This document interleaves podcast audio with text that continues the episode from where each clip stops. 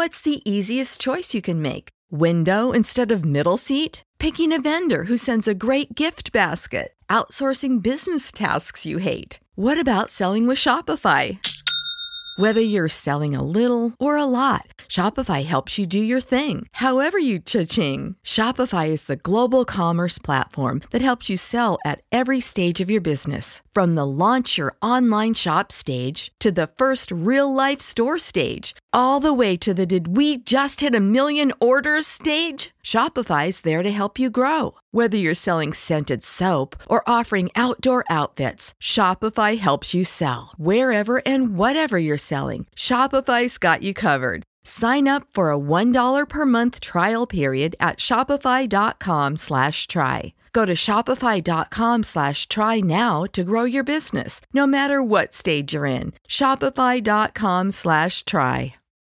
When you need mealtime inspiration, it's worth shopping Kroger, where you'll find over 30,000 mouthwatering choices that excite your inner foodie. And no matter what tasty choice you make, you'll enjoy our everyday low prices, plus extra ways to save, like digital coupons worth over $600 each week. You can also save up to $1 off per gallon at the pump with fuel points. More savings and more inspiring flavors make shopping Kroger worth it every time. Kroger, fresh for everyone. Fuel restrictions apply.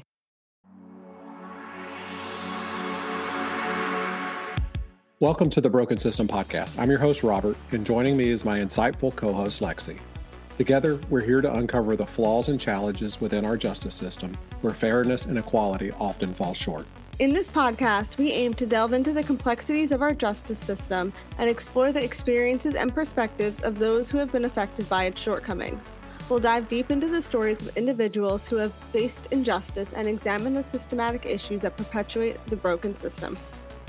Our goal is to bring awareness to the disparities and biases that exist within our justice system and to inspire our listeners to take action. Through thought provoking discussions, interviews, and analysis, we'll explore the various aspects of the broken system and seek to understand how it can be reformed. We believe that by shining a light on these issues, we can empower our listeners to become advocates for change. We'll discuss potential solutions, highlight success stories, and provide resources for those who want to make a difference. So, whether you're a concerned citizen, a legal professional, or simply someone who wants to learn more about the flaws in our justice system, we invite you to join us on this journey. Together, let's challenge the broken system, amplify unheard voices, and work towards a more just and equitable future.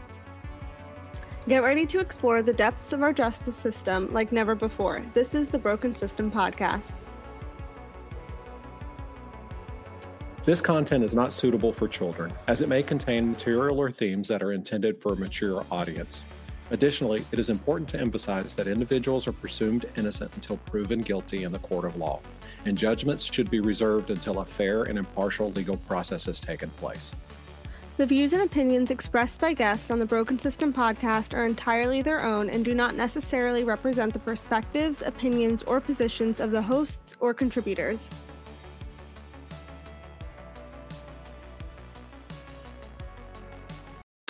So, welcome back, everyone. I'm Robert, and I'm here with Lexi. And this week we have with us Dana Poll from True Crime PI.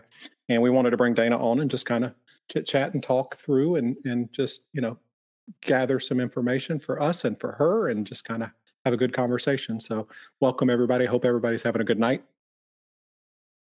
I'm having a great night. Thank you for having me. Absolutely. Glad everyone's here. Um, so I guess we'll just start from the top. How did you get involved in all of this, Dana? Oh, uh, so I feel like I've told this story many times, and every time I kind of tell it a little bit differently. But, um, and I think it's because I think about it after I've shared it, and then I'm like, oh, you know, maybe I should explain, you know, back a little further. So I'm going to go back to the beginning which um, would be growing up in the 1970s, 1980s, and um, the milk carton era. So um, I think about where my kind of passion for true crime has come from or where it's grown from. And I think, it, really think it starts way back in elementary school when I would you know, get out my cereal and milk in the morning and sit down to eat my breakfast. And staring at me were the faces of missing children. Um, so back in the day, as many of you know, we they would print um, the photos of missing children on milk cartons and tell a little bit about their description, where they went missing from, how they went missing, that sort of thing. Um, and I was a big reader, and I would read the milk carton and the cereal box every day. Um, and I, so I think it became a reality to me, even living in a in a neighborhood where we would stay out till the street lights came on and and past that. Um, but it became a reality to me. So I had a lot of freedom growing up, but at the same time, I knew that we had to be careful. We had to be smart. We had to be paying attention. Um, and so it, it was a heartbreaking thing as a child to read about another child who went missing for me especially because i just felt like you know i couldn't imagine if my sister went missing or you know if my friend went missing how i would feel how the, how parents would feel how that child would be so afraid to be away from their family. So i really think that that's where the kind of passion for justice like that was so wrong. Why would anybody ever do that to a to to anyone? And so i think it grew from that. I was a big mystery lover and reader. Encyclopedia brown was like my thing. Um, nancy drew um, sherlock holmes any mystery i could get my hands on.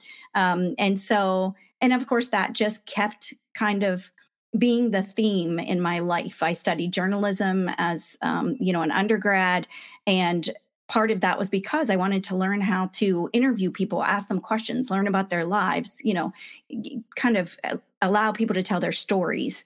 Um, and then I became a librarian in the same vein because I wanted to know how to do the research and wanted to teach other people how to do that research. I'm all about freedom of information and, you know, people being able to have access to materials and all those sorts of things. So I think it all just kind of you know, came together um, in my life. And when I really, really started to get into researching true crime was after I became a librarian.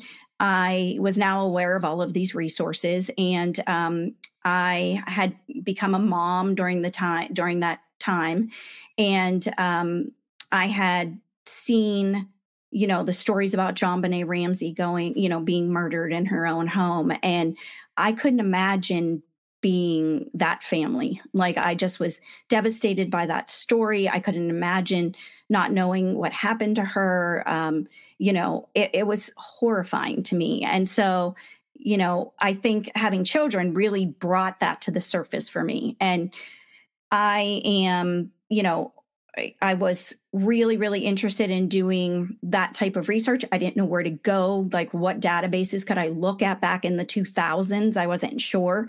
But I happened to one day be watching a show called um, The Forgotten, and it was a story about, it was um, a story about a group of people that came together to work together as we do today to um, try to find missing people and um, or identify unidentified people. And at the end of that show, it just so happened that they flashed the website of NamUs. So they said, if you're interested in doing this kind of work, you can, you know, check out the NamUs database. And so I was like, my dream came true. Like I remember watching the show and saying, like, I want to do this. This is what I want to do. And then at the end of the show, it's basically telling me, oh, okay, and this is how you do it. Um, which was like I was so happy. I ran to mm-hmm. the computer. You know, I I was able to. Uh, I was using dial up in the in the 2000s to do some of this stuff. Um, but you know, I ran to the computer and I and I looked up the website and I started utilizing it. So at the time, I was using the Doe Network. I was using NamUs and I was using Web Sleuths um, to kind of make comparisons between missing and unidentified people. And I continued to do that all the way up until um, 2020 when I started True Crime PI. I had just moved to Georgia, stumbled across a case that I of an unidentified um, woman from that was who was found in 1984 in Cobb County, Georgia, and um, something about her caught caught my attention. I wrote a blog post about it, and I just could not forget her. Um, and I thought I need to do something more, and so I started um, writing episode one of um, her story, which then, as I dug in deeper, turned into a seven part series um, about you know what we knew about her. And my goal was just basically to amplify her story to get it out there. It had been 36 years since she was found and and they still didn't know who she was and i couldn't figure out why and i had all these questions and so i took seven episodes um, to kind of dig into that and find out why she was still un- unidentified and what i could do to help change that that's awesome um I, it's so interesting learning everyone's start into true crime. It made like when you were talking about the um like with the milk, I was thinking about like my start to it. And I yes, it was like podcasts and such, but even before then, like the stranger danger thing. Um, because I it just I totally forgot this had happened, but I remember it was happening in my town. Granted, like it, it didn't there, there would be like oh the white van like someone saw a white van and it was like the the classic lore of like oh like do you want to see puppies or, or whatever it was or candy and the girl who had lived behind me at my old house it happened to her and she was okay but it was just like what like thinking about it now like you never really realize how close to home it can like hit sometimes um and and yeah, so when you were talking about like your starting, made, made me think of that. Um, mm-hmm. But I think what's so interesting about the unidentified is that they're, it's almost like like researching a missing person case, but like backwards in a way, mm-hmm. um, because you have a lot less to go off of, and you kind of have to make more inferences. Um, are there some tips and tri- tricks that you have for when you're researching these sorts of cases? So I think, you know, I used to, when I was teaching, when I was a librarian at the university and I was teaching students how to do research, I would say that you have to develop your own style and there is no right or wrong way to do it um, however there are some tips that i can um, discuss with you um, or share with you and that would be you know, you really have to pay attention to the details. So if you're going to try to be making matches, um, you need to pay attention to um, the location, the date the body was discovered, the PMI or um, you know the time frame of which they were estimated to have been killed mm-hmm. um, or to have died. Um, you have to take those into consideration because you can go down a rabbit hole and not even realize that the person that you are trying to match the missing person that you were trying to match this unidentified person did not go missing until after this unidentified person was found. Uh, it's really easy to to kind of get caught in that trap. So you're looking at the, you know, you might be looking at a sketch and comparing it and you're like, wow, that really looks and oh, the location's good. You know, they they're close together and that seems like that could be possible and then you realize after you spend all this time that, you know, this person could not possibly be a match based on the t- timing um, and i mm-hmm. think that that's the that's the hard part sometimes um, so you have to keep track of that um, I always, you know, what I like to do is I will open up. Um, I, I, use my dashboard in NamUs a lot, so I create have a list of cases that are missing, cases that are unidentified people. I keep them so they're saved, and then I will open up um, you know the missing in one window the unidentified in another so that i can just have two screens up two windows open and i'm doing comparisons right next to each other um, so those are that's a that's a tip. We created um, at uncovered a um, really nice um, printable form um, where you can download it and you can um, you know do those comparisons on paper. I personally like to print my stuff out and put them next to each other. I like rating you know things. Um, some people are really you know use spreadsheets like in, in a way i could never dream of doing. Um, so i mm-hmm. think you know it really depends on what you prefer to do.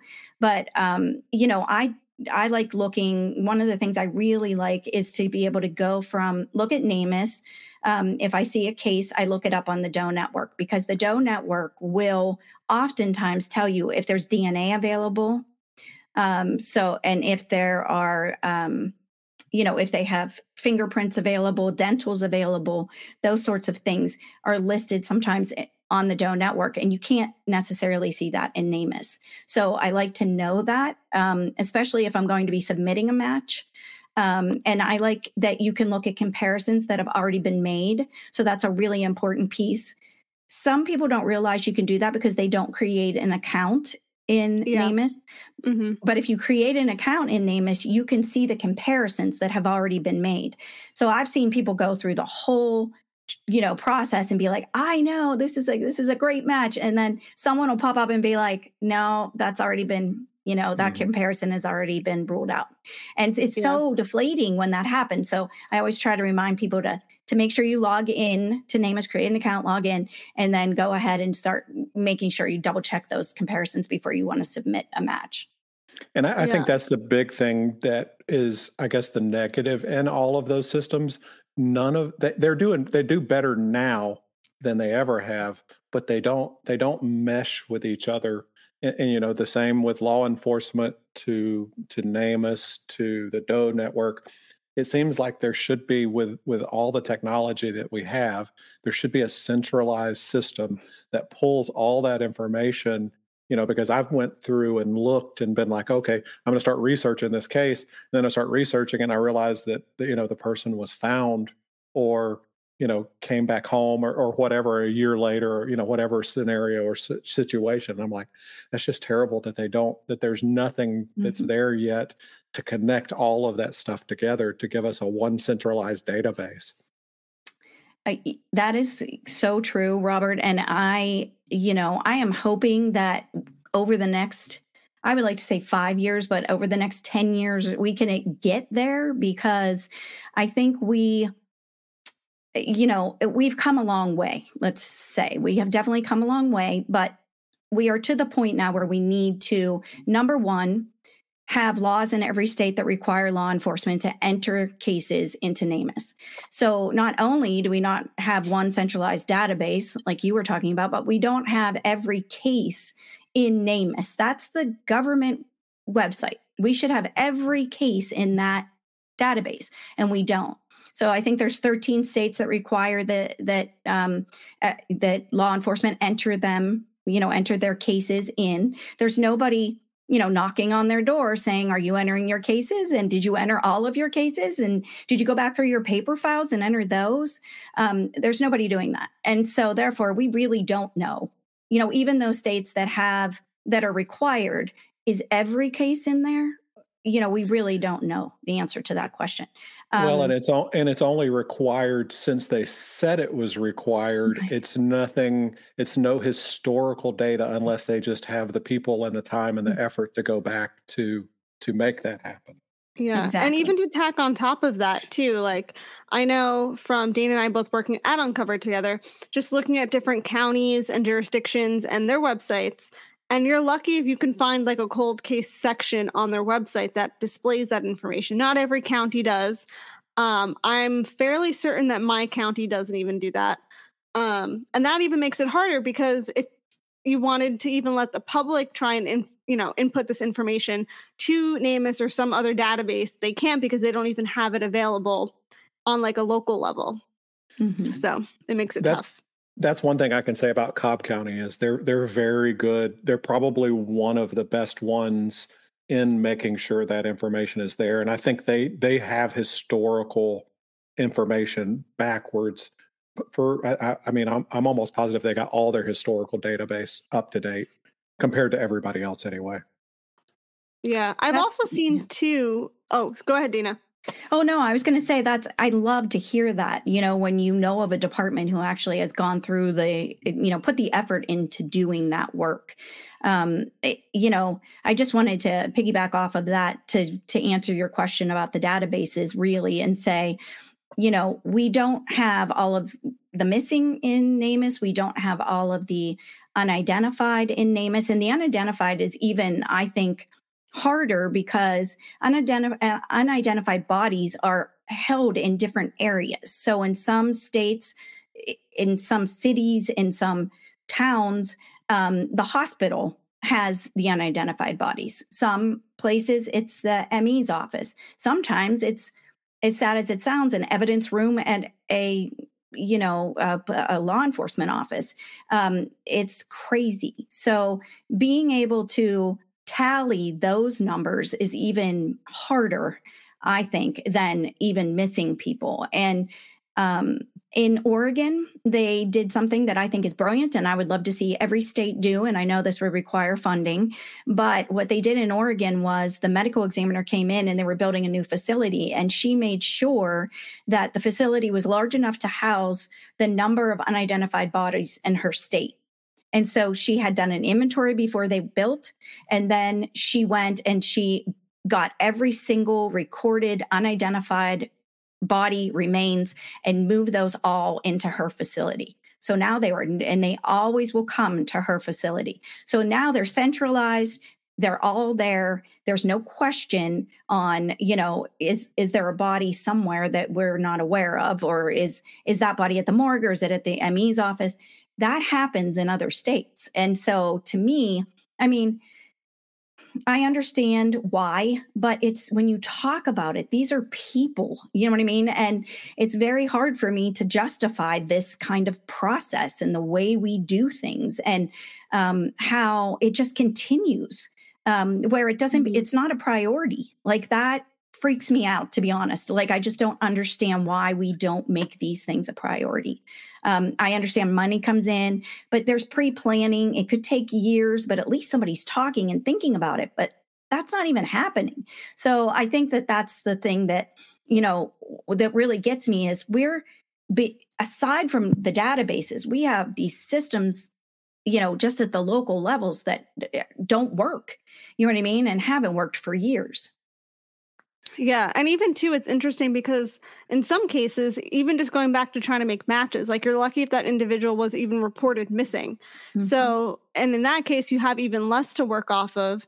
Um, although I do think it's interesting though, because on Facebook and such, like I've seen there's lots of different pages for like unidentifieds, and every now and again, you'll see basically posts probably that came from NamUs and that sort of thing, where it's like, can you identify this person? And I would not be surprised if that has helped identify people in the past. But on the other hand, how awful is it to like find someone that you know in that state in that way just online? Mm-hmm. Um, like that could be incredibly jarring. And I think too, it's one of those things where the unidentified kind of get forgotten about because it's easier to champion a murdered victim or a missing person because they have names and you can mm-hmm. attach it to something or who they were.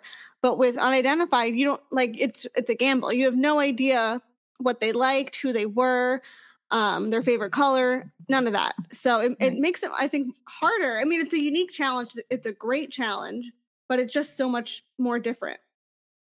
I think in the last, you know, five to ten years, we've gotten I don't want to say into the habit of over reporting people missing, but I think it's I think it's more prevalent now that someone when they go missing for a certain amount of time they're they're reported.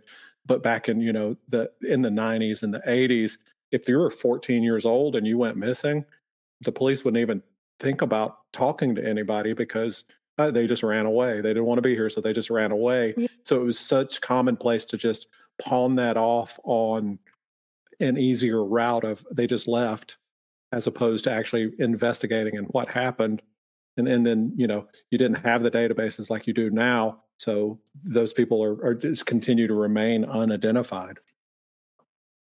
Yes and you know i think we often we don't remember um, that an unidentified person, whether reported or not, is often a missing person or someone whose family lost track of them. And so I think, you know, when we talk about unidentified people, we're really talking about solving a missing person case. And, you know, for the most part, I mean, we when Lexi, you said not everyone is reported missing. That's true, but most of the time, a family member knows about this missing person mm-hmm. or is missing this person, but it, they yeah. may not have been officially reported, or they thought they reported them missing, or you know that sort of thing. Um, so I think that you know it's really important to remember that unidentified people are, for the most part, a missing person, and so we are we are moving a missing person case forward when we identify an unidentified person. Yeah, and in some cases too, I've seen where it, it almost kind of like checks all the boxes where it starts off as an unidentified, and then you find out that they were missing, and then their cause of death was homicide, and so it kind of goes through almost all of the phases, and mm-hmm. yet so you, uh, there's been so many cases where it's like, oh, it's great that this person's identified, but now we have to figure out how they died, who killed them, and what happened there. So it's like a whole new section of the investigation.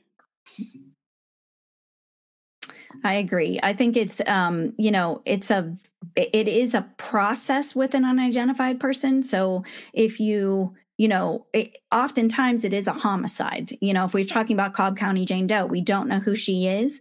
We don't know, you know, where like who murdered her um, but we know she was murdered so we know that it was a homicide there's no question about that so she when we get her name um, then we'll have her name and then the investigation starts over because now we know this was a homicide and so now we can push forward. Uh, i've had talked to a lot of law enforcement and they you know will say over and over again and it makes total sense but sometimes you know i eh, we just it's not at the top of our minds but once they have a name then you can start doing victimology. Then you can find out where they were what they were doing who they hung out with and then you can start connecting the dots. It's very difficult to connect dots when you don't know who this unidentified person is. Do you know if the jane doe her her information has been entered into a dna database? Yes. So Cobb County Jane Doe's um, DNA um, was taken in, or the profile was created, um, I believe, in 2011 uh, initially. And then again, um, I would say, I'm guessing, I don't know the exact year, but in 21, 22, um, they did another profile, created a SNP, and they have done genetic genealogy um, to find a cousin. So they have located a cousin. We are just waiting for confirmation. We're waiting for an announcement. I don't know if that announcement is delayed because I had pushed for, you know, I had introduced this case to Amy Hutsell. She's part of the SAKI task force and part of the um, the task force that actually tries to match unidentified or um, unsolved Georgia homicides with Samuel Little Confessions. And so that whole process was happening simultaneously. Um, COVID hit, unfortunately, so I think that delayed the whole the whole, you know, kind of review process or reexamination. But I know it's still happening because I reach out to her periodically. And the last time I talked to her, I said, "Do you have any news on the case?" And she said, "Let me um, check and see what I'm allowed to release." Um, and so I know we're just kind of like we're in this waiting period, which if this type of research or this type of work doesn't teach you patience, nothing will because it is that's so true. So slow. Yeah. I mean, like it's oh, just yeah. so, so, I mean, even like, you know, pulling all the pieces together is difficult. And then finding the right people and getting in touch with the right people and getting the answers that you need. And then trying to convince others to, you know, maybe you know fund fund her dna or or whatever it is uh, whatever you're doing in a case it just takes a long time. It's not quick and by any means. And so i have learned patience through this case. I have learned just to sit back and say um, you know they're working on it have faith it's going to happen. And i believe she should be identified this year.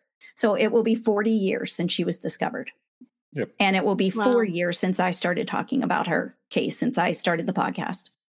A lot of people don't understand because they're like, they're, they, they think, oh, I put my stuff into Ancestry and I got my results back in five weeks or four weeks or whatever. Mm-hmm. Why can't you get it back faster? They don't understand the actual process that it has to go through to mm-hmm. to get it to where it is. I mean, you know, just finding a cousin is is a big thing, but then you have to go backwards and still continue to mm-hmm. figure out if if if that person is actually missing or you know there's so much into it yes and what i love about that is that you know a lot of people don't understand the the idea of genetic genealogy being a combination of you know dna science and research just good old fashioned you know genealogy research good old fashioned mm-hmm. detective work like all of that comes together to you know, really kind of either nail a suspect or to, you know, identify a a person.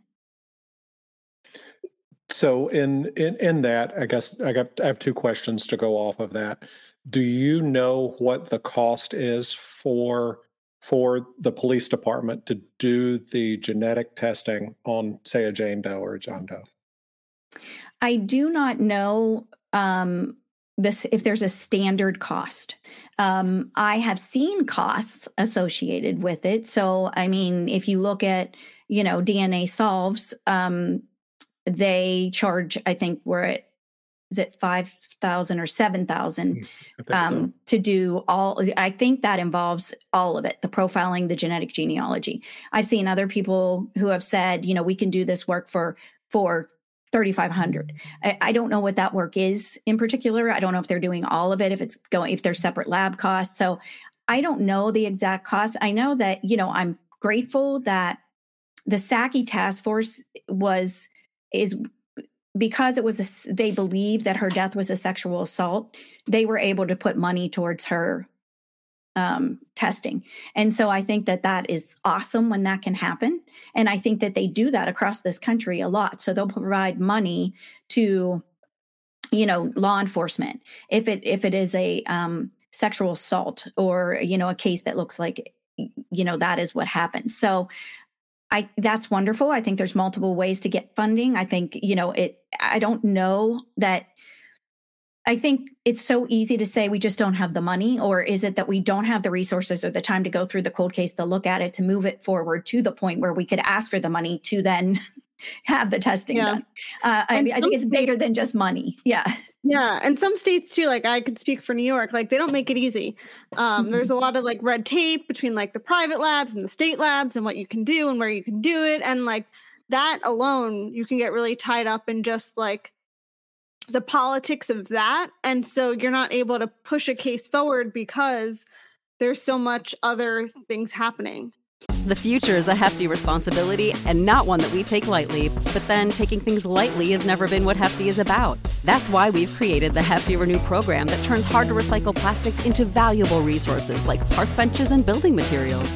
To participate, simply fill up an orange Hefty Renew bag with accepted items, tie it up, and drop it in with your regular recycling.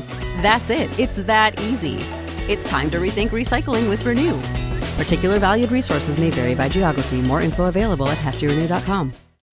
When you need mealtime inspiration, it's worth shopping Kroger, where you'll find over 30,000 mouthwatering choices that excite your inner foodie. And no matter what tasty choice you make, you'll enjoy our everyday low prices, plus extra ways to save, like digital coupons worth over $600 each week. You can also save up to $1 off per gallon at the pump with fuel points. More savings and more inspiring flavors make shopping Kroger worth it every time. Kroger, fresh for everyone. Fuel restrictions apply. When you need mealtime inspiration, it's worth shopping Kroger, where you'll find over 30,000 mouthwatering choices that excite your inner foodie. And no matter what tasty choice you make, you'll enjoy our everyday low prices, plus extra ways to save, like digital coupons worth over $600 each week. You can also save up to $1 off per gallon at the pump with fuel points. More savings and more inspiring flavors make shopping Kroger worth it every time. Kroger, fresh for everyone. Fuel restrictions apply. And, and I think what happens a lot of times, especially like I know in Georgia, there's so many there's so many competing organizations. You've got a county sheriff, you've got you've got the city that it possibly happened in, then you've got the state level stuff, and they're all fighting for different funding, and they all they they don't understand how to utilize the fund funding because it's so territorial they don't want other people in their business and things like that. So things do, do not happen because of of lack of knowledge of the best way to go about it and they don't want to dig into it or they don't have the people to dig into it to get the funding. So therefore you know you know a small little police force of 10 or 15 people aren't going to have the knowledge and ability or the amount of people to to look at a case from 1984 or 1985 mm-hmm. because they're dealing with stuff that's going on today. Right. And that is the biggest problem. I think if we had designated cold case units across this country, um, or even regional cold case units, I mean, just a system for cold case units, um, that we could employ in every state. Um, and you know, it's sad because I think there are uh, there's citizens who have skills that might may be able to join that unit. There are retired detectives, retired, you know, law enforcement who may be able to and interested. And I know many who are interested. I just think the red tape gets in the way sometimes and we we can't get out of our own way to kind of solve these problems. But if we could, then we wouldn't have that problem. And you know, I learned from my friend Detective John Dawes when um, we were when he was helping me um, you know, kind of share what he knew about the Cobb County case. Um, he talked about how you, you know warm cases or hot cases or current cases however however you want to describe them they happen every day and so that all the good meaning, all the I wish I had time for, you know, to take a look at that case file, or I'm going to leave this right here on my desk and I will get to it. Um, that goes out the window whenever you are being, the phone's ringing and you're being called to a scene and, you know, all those things are happening. And so having a designated cold case unit like they did have in Cobb County, and John Dawes was the head of that. Um, from I think it was 2014 through 2019. Um, when they had that, they weren't getting called anywhere else. They were seriously just looking at cold cases all day, every day, you know, figuring out who they were going to interview, going to do those interviews, you know, figuring out where the evidence was, deciding if it could be tested, getting it to the point, you know, where it was profiled, whatever that was, that was effective. They solved 11 cold cases in that unit in five years. Yep. Um, which I think that's now become 12 because Deborah Lynn Randall's case came out of that cold case unit and it was just yep. recently solved. That was um, the one that the, the, neighbor had killed her, right? That, yes. That they found out. Yep. Yeah. So, so um, I think that, you know, it, that is something that is super important. That is something that I would like to see happen where people really, you know, not just this, the Homicide Victims Family Rights Act happening, but let's designate cold case units who can you know have the resources to look at these cold cases I, I know for Georgia, the the Coleman Baker Act was enacted last year. I, I guess this is truly the first year. 2024 mm-hmm. will be the first calendar year that it's in place. So I'm interested to see how that's going to affect cold cases in Georgia with with that money that's set aside for that. So um, I know there's a little bit of red tape and and a lot of these little municipalities probably don't even know about it. So I think it's going to come back on on people that are involved with cold cases and things like that outside of law enforcement requesting the funds to be attributed to that person before mm-hmm. it happens. But so I'll be interested to see how that comes to fruition this year. Yeah. Yes. And even speaking of, I know the Homicide Victims Family Rights Act, which I think was signed into law by President Biden in 2022. So theoretically, this might now be its like second full year. Um, and I feel like families are just starting to learn about it. I would not be surprised if law enforcement. It doesn't, from what I can tell, I don't know if a lot of um, agencies have protocol in place to kind of handle how they want to use this act and what it can actually do for cases. But I think what's really cool about it is that by just getting the word out there that it is an option, um, hopefully families can actually lean on it and we'll start to see some resolutions from you know families being like well what about this act? And you know can we kind of do a reinvestigation of everything? Um because i would not be surprised and i don't think this is an original idea by any means but a lot of these cases can be solved if we just kind of bring it to today's standards mm-hmm. um, for one reason or another yes yeah apply think- to the science and yeah of them yeah yeah the yeah. moment they the moment they they add dna into to a case from from nine, in the 80s and early 90s it, it should open up so many doors even mm-hmm. if it's just I, being able to identify the person to get a to get a actual history and and look at you know who that person was and what could have happened to them because that explains a lot of things i mean it's just you know like the one we were just talking about in in Cobb County where they identified the neighbor. You know, he he committed i think he committed suicide two years after he committed the mm-hmm. murder but everyone knew something was wrong and had they known that was her back then they would have they would have solved that case you know 20 years ago yeah and i think too a lot of it has to do with like just giving people a chance to, like fresh eyes on something like you know what could be normal to me maybe not like abnormal to somebody else and vice versa and all those little things like just looking at the patterns of it because i think more often than not the name of the likely name of the perpetrator if it's like a murdered case at least or even a missing case could be you know is already in that case file. It's just why were they ruled out? Or you know what was missing? Or why couldn't you attach them to the case? Um, and just giving it a second look at it could really kind of put the pieces together yeah, I um I actually am going to be doing a podcast episode with Detective Dawes about that case. And um in that case, the name wasn't in the case file. So I it you are correct. I mean, we've heard this a million times, like just in the first page, 10 pages of the case file, yeah. normally you find your perpetrator. And um in that case, so I found it interesting when we had our conversation about it that it that person's name was not. So that that person wasn't even on their radar at all.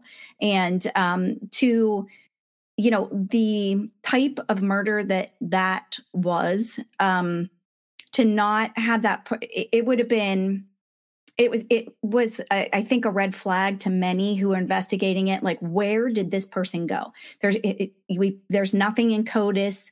There's nothing to match this person. Um like who you know where did he go? He committed a crime that was so heinous would he not be doing it again and again and they couldn't figure out why well this is why because he committed suicide 2 years later so um and you know he was no I, I don't know his situation. I'm glad that he was no longer on the street, um, d- able to do those things.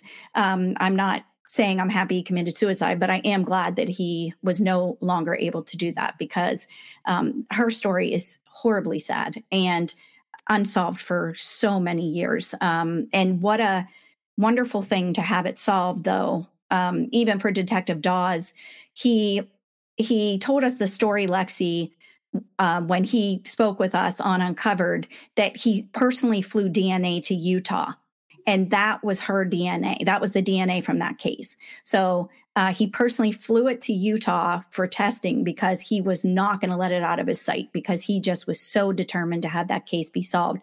And he retired in 2019, and the case was solved in 2023 because then again, you know, it takes long to do all of these things, and so um, so he had to wait another, you know, four or five years for that to happen and um, you know for the solve to be made. But what a what a wonderful thing um, you know to know that we no longer have to wonder who killed her. We no longer have to wonder if there's still that person still somewhere um, perpetrating those types of crime. And he hasn't since he retired they haven't really replaced him have they not? I don't think. No they haven't really. Um, so you know, this is the problem with cold case units that are established by, in DA's offices um, because the DAs change and their and the priority of those people coming in and out of the office changes, and so those uh, departments will sometimes get eliminated or downsized. Um, and so they never built it up to the same caliber that he had it for those five years. Um, and that's sad to me because when something's working, I think people should take a look at it and see how it can be salvaged. Um, you know, to think that you know, I don't know the number of cold cases in Cobb County or even in the surrounding Atlanta area. I I know there's a lot of them. I don't know the exact number, but to think that if you could solve 11 every 5 years or 12 every 5 years, that's making a dent. I mean, that's an that's a great thing. Um, and I think, you know, with DNA, with eh, the improvements in the speed of processing DNA, even though we still feel like it takes a long time, it's still better than it was. Um, genetic genealogy really didn't come to be until 2018. And so, you know, with all the advancements that have happened there, um, I just feel like we could be, it would be much faster now, even. I bet you you could solve more than than um, 11 in five years. Um, and so, I mean, it's just, it's, it, it is the, that's the heartbreaking part about it is, is that it's hard to drive those uh, those ideas home you know it's hard to make people understand that resources should be allotted for these things um, they just it seems like they go it goes to everything else but and um, to me that's heartbreaking because families are just waiting for answers for years and years and years and carrying the unbearable burden of not knowing um, for far too long. Well and, and it's one of those things that i've said you know it, it's when a family member can fight and continue the fight it's when they're able to get answers. It's you know it, it takes a toll on the family and at, at some point in time if they if it hasn't destroyed their life completely and they're able to continue to fight they finally get answers. But you know at some point in time a lot of people just throw their hands up because mm-hmm. they fought so hard and have just not gotten past anything to to even get a slim chance or a slim answer. So it's it's tough. Yeah I have a question for you though, from the um, wrongful conviction side mm-hmm. and and DNA testing. Um, so, I mean, obviously, these are the things that we. A lot of wrongful convictions were it could be could be rectified um, with DNA testing. So my question to you is: Is that happening more? Are, are, we seeing more of that? Like, how does this? How is genetic genealogy or D, DNA profiling, all those sorts of things, playing into the resolution of wrongful convictions? So I think when there is new evidence um, into a into a case that's how it can be reopened is it has to be true new evidence. If there is dna that was never tested it's usually either requested. If it's requested then that's what is pushing for some of those wrongful conviction turnovers and that's what you've seen more lately is is that they've been turned over because of dna evidence it, it's you know it's not that someone else just appeared and said I did it and that and people are getting out. It. It's typically almost every wrongful conviction that I've looked at over the last three or four years has, uh, it, for the most part, has been due to new evidence of DNA being tested and and attributed to someone else that is either in jail or already you know convicted of another crime or you know something else that brings it up. Yeah, I mean, I have to, you know, I am having done the research trying to match missing and unidentified people in you know the 2000s all the way up through 2018 when we when you know genetic genealogy changed everything. Um i am i would say you know i remember maybe 10 people being identified during those years um, because it's hard to identify people um, just from a sketch or you know what you know look they look alike they they were near the same place. I mean it was harder for us to do that. The databases have, have gotten better. We have more ability to make comparisons because we can see more missing people more unidentified people and we can try to make those matches. But you know the genetic genealogy was a complete game changer in that you know we have one agency last year who solved almost 150 cases. Um, we have an agency that over the past i don't know how many years solved 300 cases. So you know as i would love to know the total number of all unidentified people identified by genetic genealogy since 2018 um, just because it would be a fun fact for me. But um, I think that you know this is a game changer. It's going to continue to get better, um, and you know we'll probably we'll be making more identifications every year, and uh, that's exciting to me because you know with the numbers that we're looking at in cold cases and the numbers that we're looking at in the number of unidentified, which is just an estimate, as I said, you know, solving these cases is, you know, if we can start generating good numbers here, we're going to be getting, we're going to be dwindling those numbers, dwindling the number of unidentifieds. And that is something I've been waiting for for years. Um, so I am super, you know, excited about the work that these, that all of the organizations that are doing, all, you know, these labs are doing um, to work with law enforcement to get these people identified. And I think that's the key is that that as technology keeps advancing, obviously we'll have less unidentified individuals because the technology is already there that when when a when a when remains are found they're able to test those a lot quicker and mm-hmm. because it is at the forefront that stuff is happening that dna testing is happening right away mm-hmm. as opposed to you know someone that was found in the 80s or 70s that were just now getting pulled back up to be able to look at that information and, right. and that that's one of the things you know when we were talking just a minute ago about wrongful convictions i think that's probably a detriment for you know an individual in the 80s 70s 80s or early 90s that was convicted of a crime because dna wasn't handled properly. Some cases were there some amazing and i you know when i hear that case from 1988 that mm. you know they had tissue they had blood they had fingernail clippings and all of that stuff was saved and was still you know not degraded and they did all of that back then to take care of all that stuff but then you hear other cases that they you know they don't have anything that they destroyed every bit of evidence because they lost it or it got wet in a, in a, mm-hmm. in a flooded a flooded room or something like that it's it's unfortunate that that there probably are a lot of people that could be overturned because of that but they don't have that any because it was never properly taken care of yeah, and I think that's a big part of it too, is just even in the beginning stages of it, making sure that the investigation is done properly. Because half the time you you're lucky if you have, you know, the fingernail clippings, the sam- blood samples, all these things. Because if not, that makes, you know, solving the case so much harder, especially with what's available today. Yes, I I mean I am impressed sometimes by the work that was done before they knew that they would actually have access to DNA testing. Um, you know, what they saved, how they packaged it, how they cataloged it, how they kept it. And then, like you said, Robert, there's others, like the, even in Cobb County, Jane Doe's case, they lost evidence. And so they can't test her clothing to see if the um, DNA on her clothing matches a suspect, whether that would be Samuel Little or whether it wouldn't be. Um, but we can't rule him in or rule him out based on that evidence because we don't have it. Um, and so, you know, it is very frustrating when that happens.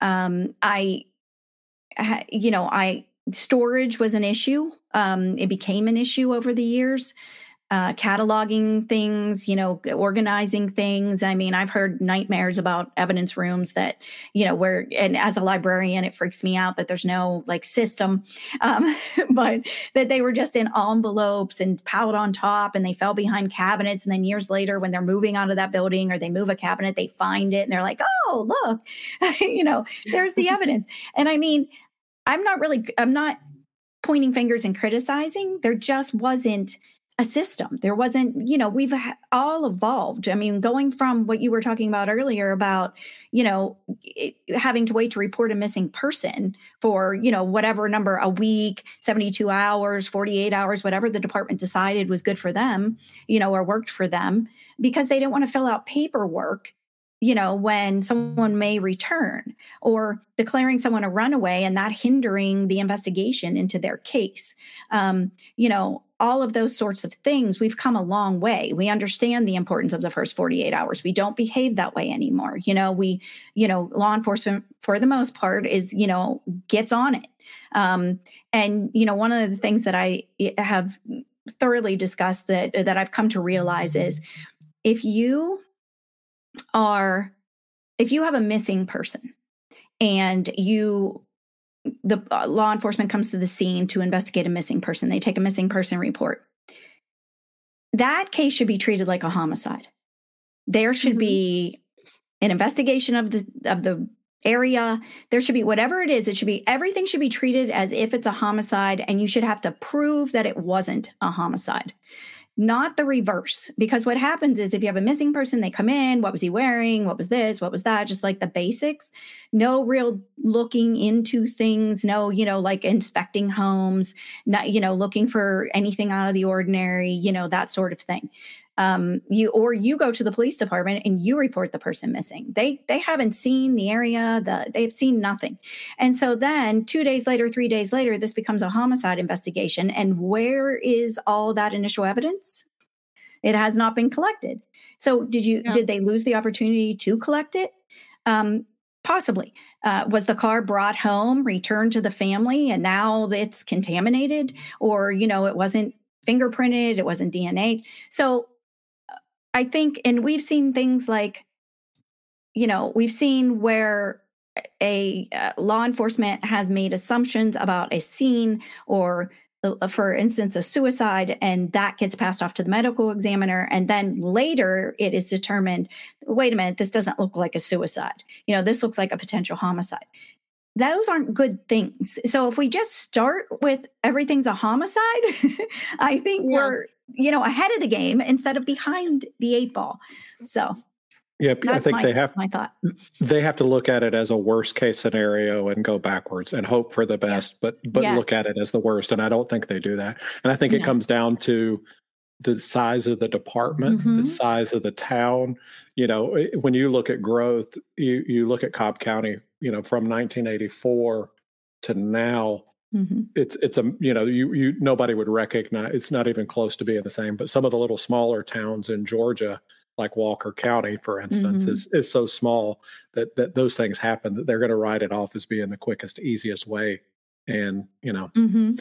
I, I think in today's age and time that we're at, that that no one, no one disappears on their own if without a trace, if that makes sense. Mhm. Yes. Mhm. when when when all of a sudden somebody goes missing and their bank accounts aren't accessed their ph- cell phone's not used there's no social media track there's nothing. When it just goes just there there's nobody that can do that. I don't care. It, it's somebody that has no money somebody that has all the money in the world they're just not going to be able to just disappear and stop. There's going to be some trace in today's world you know in the 70s and 80s it was a lot easier to go missing on your own if you just wanted to disappear because you didn't have a you know a gps tracker with you everywhere you went um, Right. but between that and and you know bank accounts and you know somebody with somebody that was was fighting to to live day to day and you know living paycheck to paycheck isn't going to be able just to disappear off the grid today without you know have it and and leaving money in their accounts you know oh yeah they have a thousand dollars in their account that hasn't been touched and there's something wrong there. Right. Yeah. for sure so you know it's it's that's the biggest thing is we have to make sure families are pushing for it that that when someone does go missing they have to be the ones if the police aren't taking it serious they have to be the ones organizing facebook.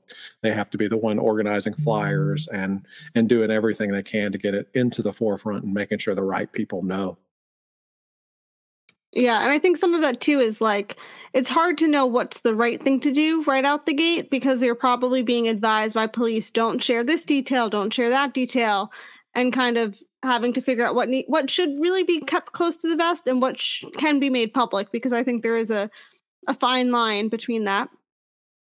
Um, and even still, it, that's a lot of mental work for the families to have to go through Mhm. because they're already grieve, grieving essentially their missing loved one and now to have to kind of take on a whole other role on top of their daily life of having a job maybe being a parent or or whatever it is that they now have to go ahead and kind of take on an advocacy cap on top of it is is a lot.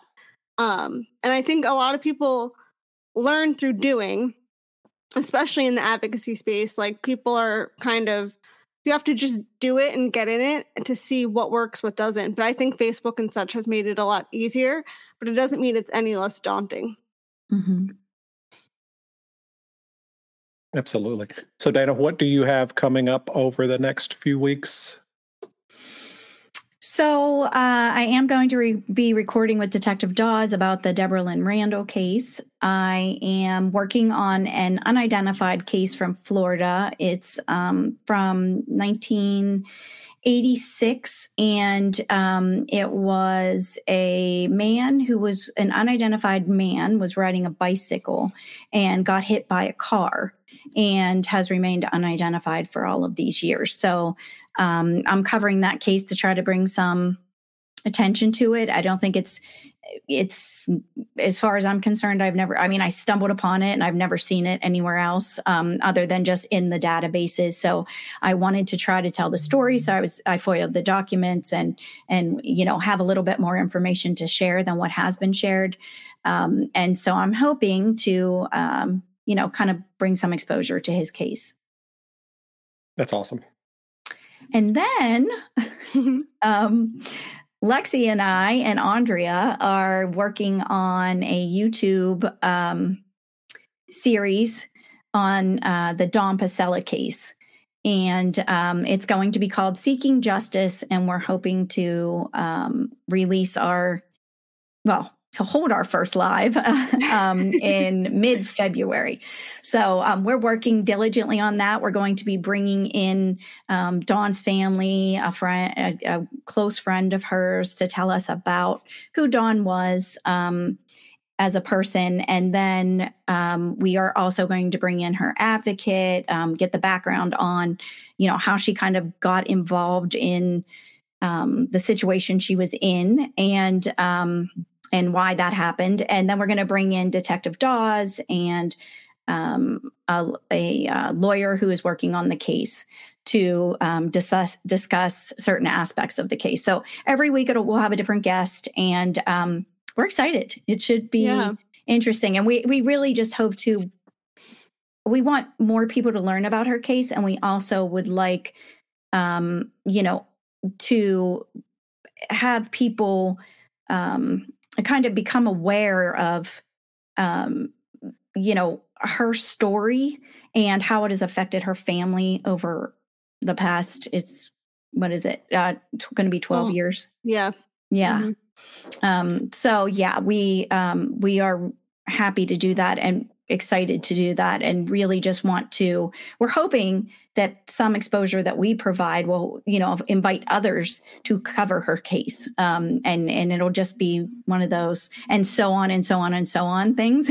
Mm-hmm. and yep. so yeah. We're looking forward to that. Yeah. We're excited we're looking forward to that as well for y'all. Yes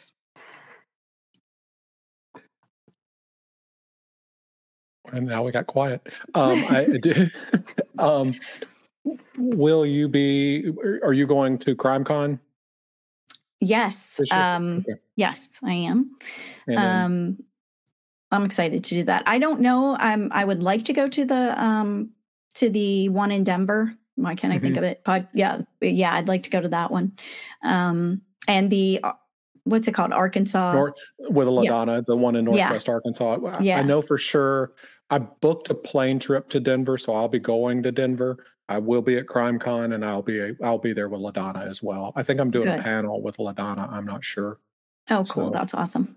Yep. So we're excited.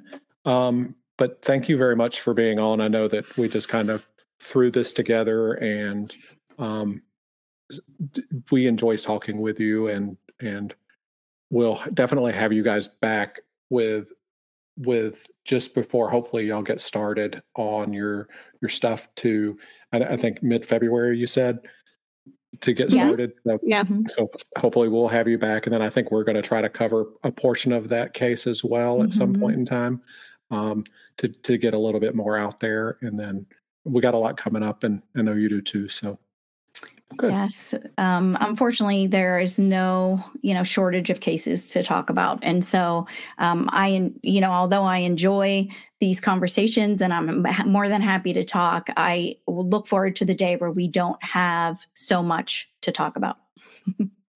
yes, yeah. I want to. I want it to be. I want it to be where we're only talking about old, old, old cases that are just almost impossible to solve, as opposed mm-hmm. to things that are happening in you know in our early in our lifetime um, yes. hopefully it's stuff that that we can get past that mm-hmm. awesome well thank you dana thank, thank, you very you. much thank you bye Thanks everyone for joining us this week. We appreciate you and we look forward to talking to you guys next week. We will have a new episode coming at you with me and Lexi. Thank you. Before you go, we want to remind you to stay connected with us. Follow us on all our social media platforms to keep up with the latest updates, behind the scenes content, and more. You can find us on Twitter, Facebook, and Instagram, all at the Broken System Podcast. And if you want to support the show and get access to exclusive content, consider becoming a patron on our Patreon page. Your support helps us to keep the podcast going and growing. Visit patreon.com, the Broken System Podcast, to join our community. Thank you for being a part of the Broken System Podcast family. We'll be back with more exciting episodes in the new year. Until then, stay safe, stay curious, and keep breaking the system.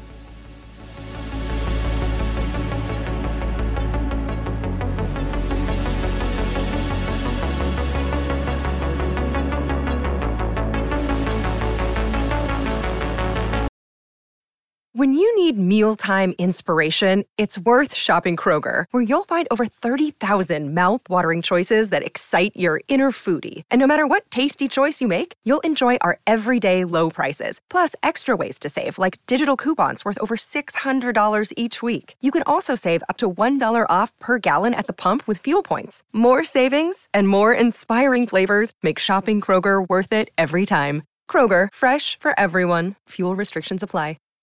Save big on brunch for mom, all in the Kroger app. Get half gallons of delicious Kroger milk for 129 each, then get flavorful Tyson natural boneless chicken breasts for 249 a pound, all with your card and a digital coupon. Shop these deals at your local Kroger today or tap the screen now to download the Kroger app to save big today. Kroger, fresh for everyone. Prices and product availability subject to change. Restrictions apply. See site for details.